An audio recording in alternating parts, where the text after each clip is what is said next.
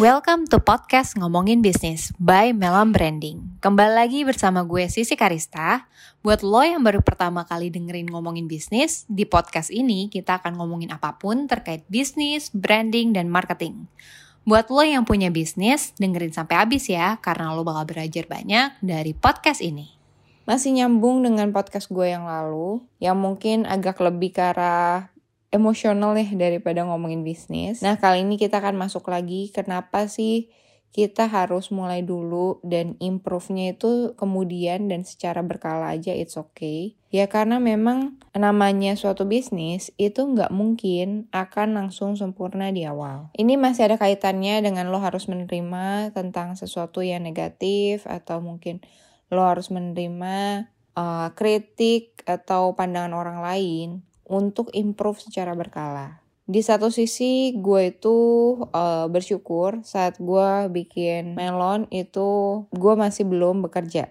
Jadi gue langsung dari kuliah, gue langsung bikin usaha gitu. Di satu sisi gue ngerasa yes gue butuh banget pengalaman yang orang-orang dapetin di kerjaan mereka selama mungkin 1-2 tahun gitu ya. Tapi di satu sisi gue juga seneng karena justru dengan gue membuat duluan, gue jadi nggak terlalu takut untuk memulai usaha baru tersebut. Karena kalau misalkan lo udah kerja misalnya, dan lo sekarang mau bikin usaha, lo jadi punya uh, kayak beban yang kayak apakah ini akan jalan? Dan kalaupun memang lo masih usaha dan bekerja apakah lo punya waktu yang cukup untuk mikirin usaha lo dan apakah safety net lo nih misalnya gaji lo yang per bulan cukup untuk uh, hidup lo dan membiayai uh, rintisan bisnis lo dan di saat itu gue pikir adalah uh, gue nothing tulus karena gue nggak punya apa-apa dan uh, karena gue belum bekerja juga, belum menghasilkan sesuatu yang stabil gitu ya itu membuat gue jauh lebih berani tapi setelah gue lihat juga ada teman gue yang bekerja sambil usaha dan dia juga berhasil mengatur waktunya, mengatur manajemen timnya dan sebagainya dan gue bangga juga buat dia gitu. Cuman emang setiap orang itu punya jalannya masing-masing.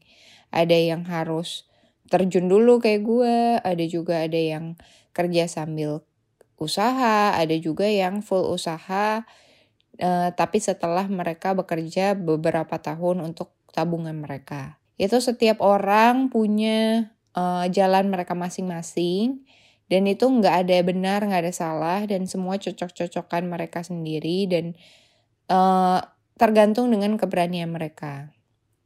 Tapi yang mau gue highlight adalah uh, di mana-mana itu suatu usaha perlu dimulai dulu dan improve kemudian secara berkala. Karena ibaratnya peluang itu tuh diibaratkan kalau kayak dewa ya, gue lupa itu dari uh, Yunani atau dari apa gitu ya, atau dari Jepang.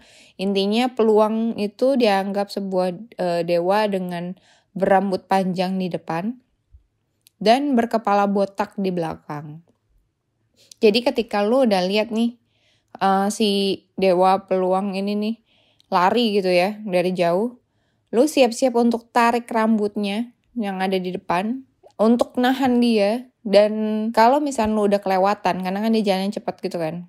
Kalau lu udah kelewatan si dewa peluang ini ya udah lu nggak bisa tarik dia kembali. Jadi either lu ambil peluangnya atau lu ikhlasin. Dan banyak banget orang yang terjebak sama kesempurnaan. Karena mereka ketika mau launching produk mereka atau mereka mau launching bisnis mereka, mereka terjebak dengan kesempurnaan yang akhirnya mereka nggak jadi buka-buka. Padahal uh, gue udah nanganin banyak banget orang yang uh, buka usaha baru, entah itu usaha bener-bener rintisan baru atau yang memang udah rebranding gitu ya. Yang udah punya usaha yang udah rebranding, justru mereka jadi lebih cepat untuk mengambil keputusan. Sedangkan untuk yang rintisan awal yang benar-benar bisnis baru mereka atau bahkan bisnis pertama mereka, mereka terjebak pada kesempurnaan.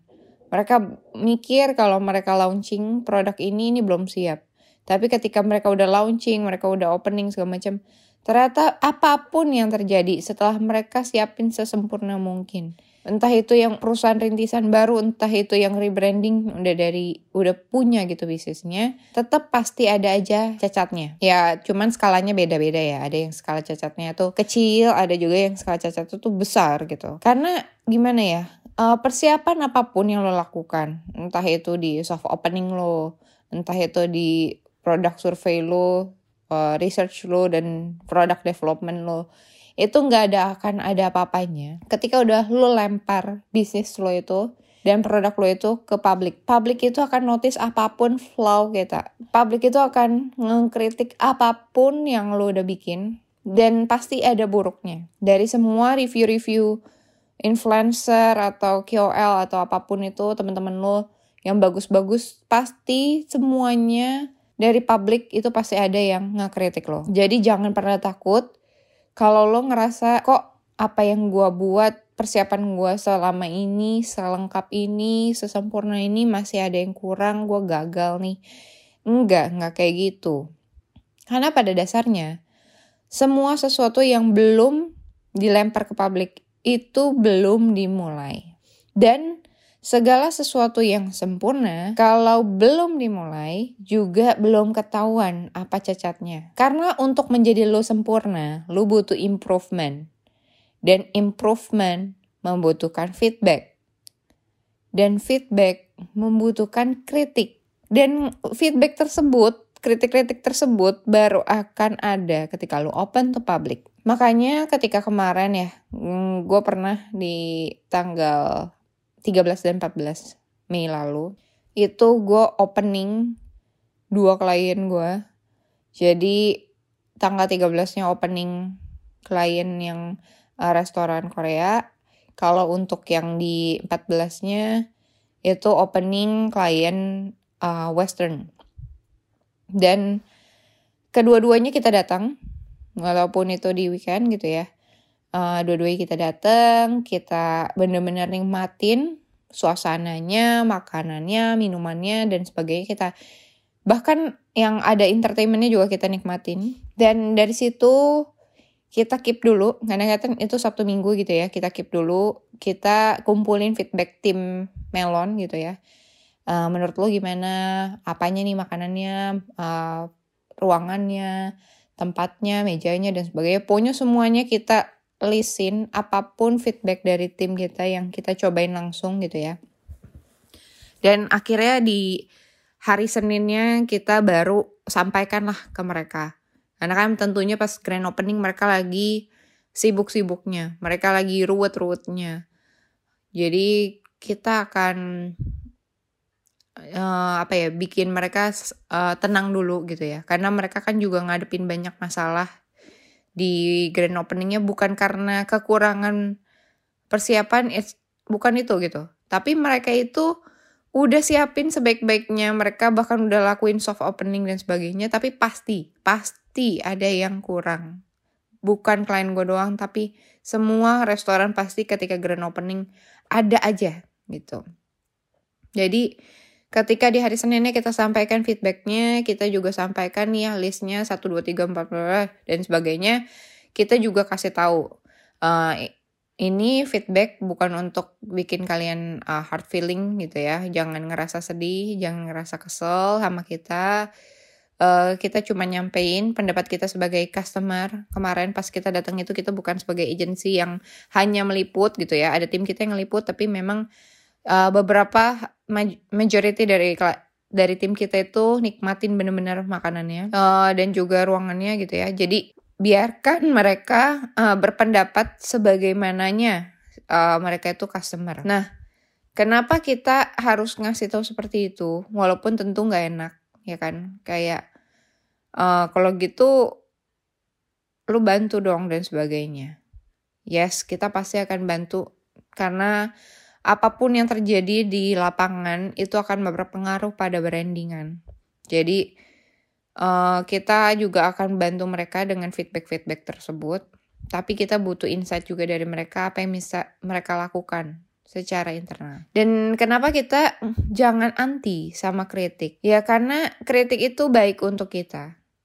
Kritik itu memang kadang di awal menyakitkan, bikin kita bete, bikin kita overthinking tapi kritik itu bikin kita juga improve. Kenapa kritik juga baik untuk kita? Karena bisa melatih mental kita jadi lebih kuat. Kita bisa menghadapi realita. Kita menerima kalau kita punya sisi kurangnya gitu ya, punya negatifnya. Kita bisa improve menjadi lebih baik. Tentu ini masih ada kesempatan karena di mana lu baru mulai, lu pasti bisa memperbaikinya. Dan kritik ini baik untuk refleksi diri kita. Dan ketika kita di awal mungkin kita sempat kesel dengerin kritiknya atau bete, tapi ketika kita refleksi diri dengan benar, kita perbaikin, kita improve secara berkala dan kita juga uh, berusaha untuk menjadi sempurna, tapi bukan berharap kita pasti akan sempurna. Uh, yang penting kita udah coba sebaik-baiknya dengan kemampuan kita tentunya, jangan muluk-muluk gitu ya. Misalnya kalau misalnya emang gak bisa nih kita bikin sesuatu yang uh, wah karena budgetnya heboh banget misalnya gitu. It's okay. Ntar kalau udah ada rezekinya, lu bikin aja dulu sebagus lo. Yang lo mampu dengan budget lu sekarang.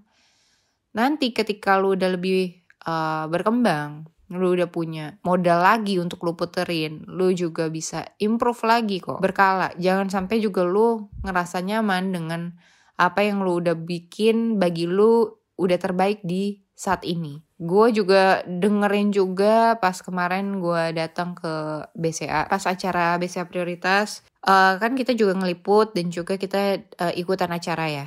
Nah, BCA pun Bang BCA ya, itu mereka sampai sekarang tuh bilang mereka tuh struggle. Bukan karena uh, bukan karena dia kekurangan customer dan sebagainya, enggak karena lu tahu sendiri BCA itu segede itu. Tapi mereka tuh struggle untuk dapetin inovasi-inovasi yang baru karena bagi mereka, walaupun mereka sekarang udah di top tier gitu ya, top tier bank, tapi dia nggak mau puas. Kalau dia puas dan dia ngerasa cukup dan dia nggak butuh lagi terlalu improvement yang heboh-heboh gitu ya. Yang ada dia ketinggalan dan disalip dengan bank-bank lain. Dan makanya itu kenapa kadang dia inovasinya tuh kadang nggak yang terlalu nggak uh, semuanya bagus gitu ya.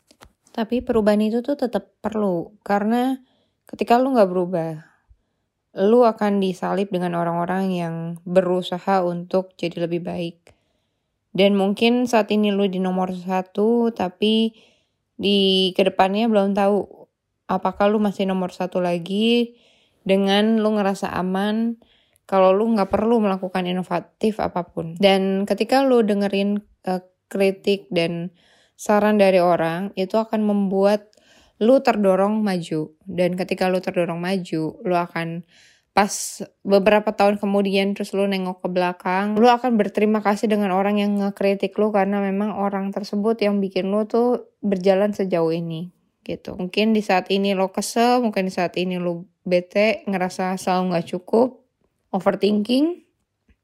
Tapi ketika lu udah berjalan cukup jauh dan lo nengok ke belakang itu lo akan bersyukur sih dan kali ini gue mau bilang kalau memang lo udah siap dan lo ngerasa kayak uh, gue butuh bikin sesuatu karya yang pengen gue launching entah itu produk atau jasa, silahkan dimulai dulu. Siapin sebaik-baiknya, tapi jangan pernah takut dan menunda untuk lo launching. Kalau memang lo bener-bener udah siapin, karena pasti akan ada kendala-kendala yang lu hadepin di tengah jalan. Tapi kita akan siap ngebantu lo. Kita akan siap ngebantu lo dari segi brandingannya di awal. Kita akan siapin bagaimana caranya kalian launching. Kita akan siapin juga cara improvement berkala yang dapat kita lakukan di platform apa dan gimana cara pemasarannya supaya kalian tetap terus berkembang bersama kita. Kalau gitu, kalau misalnya kalian butuh, silahkan ke websitenya kita di melambranding.com and see you on the next episode. Butuh kaos yang desainnya nggak ada di mana pun buat flexing waktu bukber? Foto langsung imprint buat custom baju kamu biar acara flexingnya makin mulus. Aduh, mau first date tapi rambut geradakan banget. Eh, tenang-tenang. Haircare Studio bisa nyulap rambut geradakanmu jadi oke okay waktu first date. Thank you buat lo yang udah dengerin sampai habis. Lo bisa cek ke website melambranding.com untuk mengenal kami lebih lanjut. See you on the next episode guys.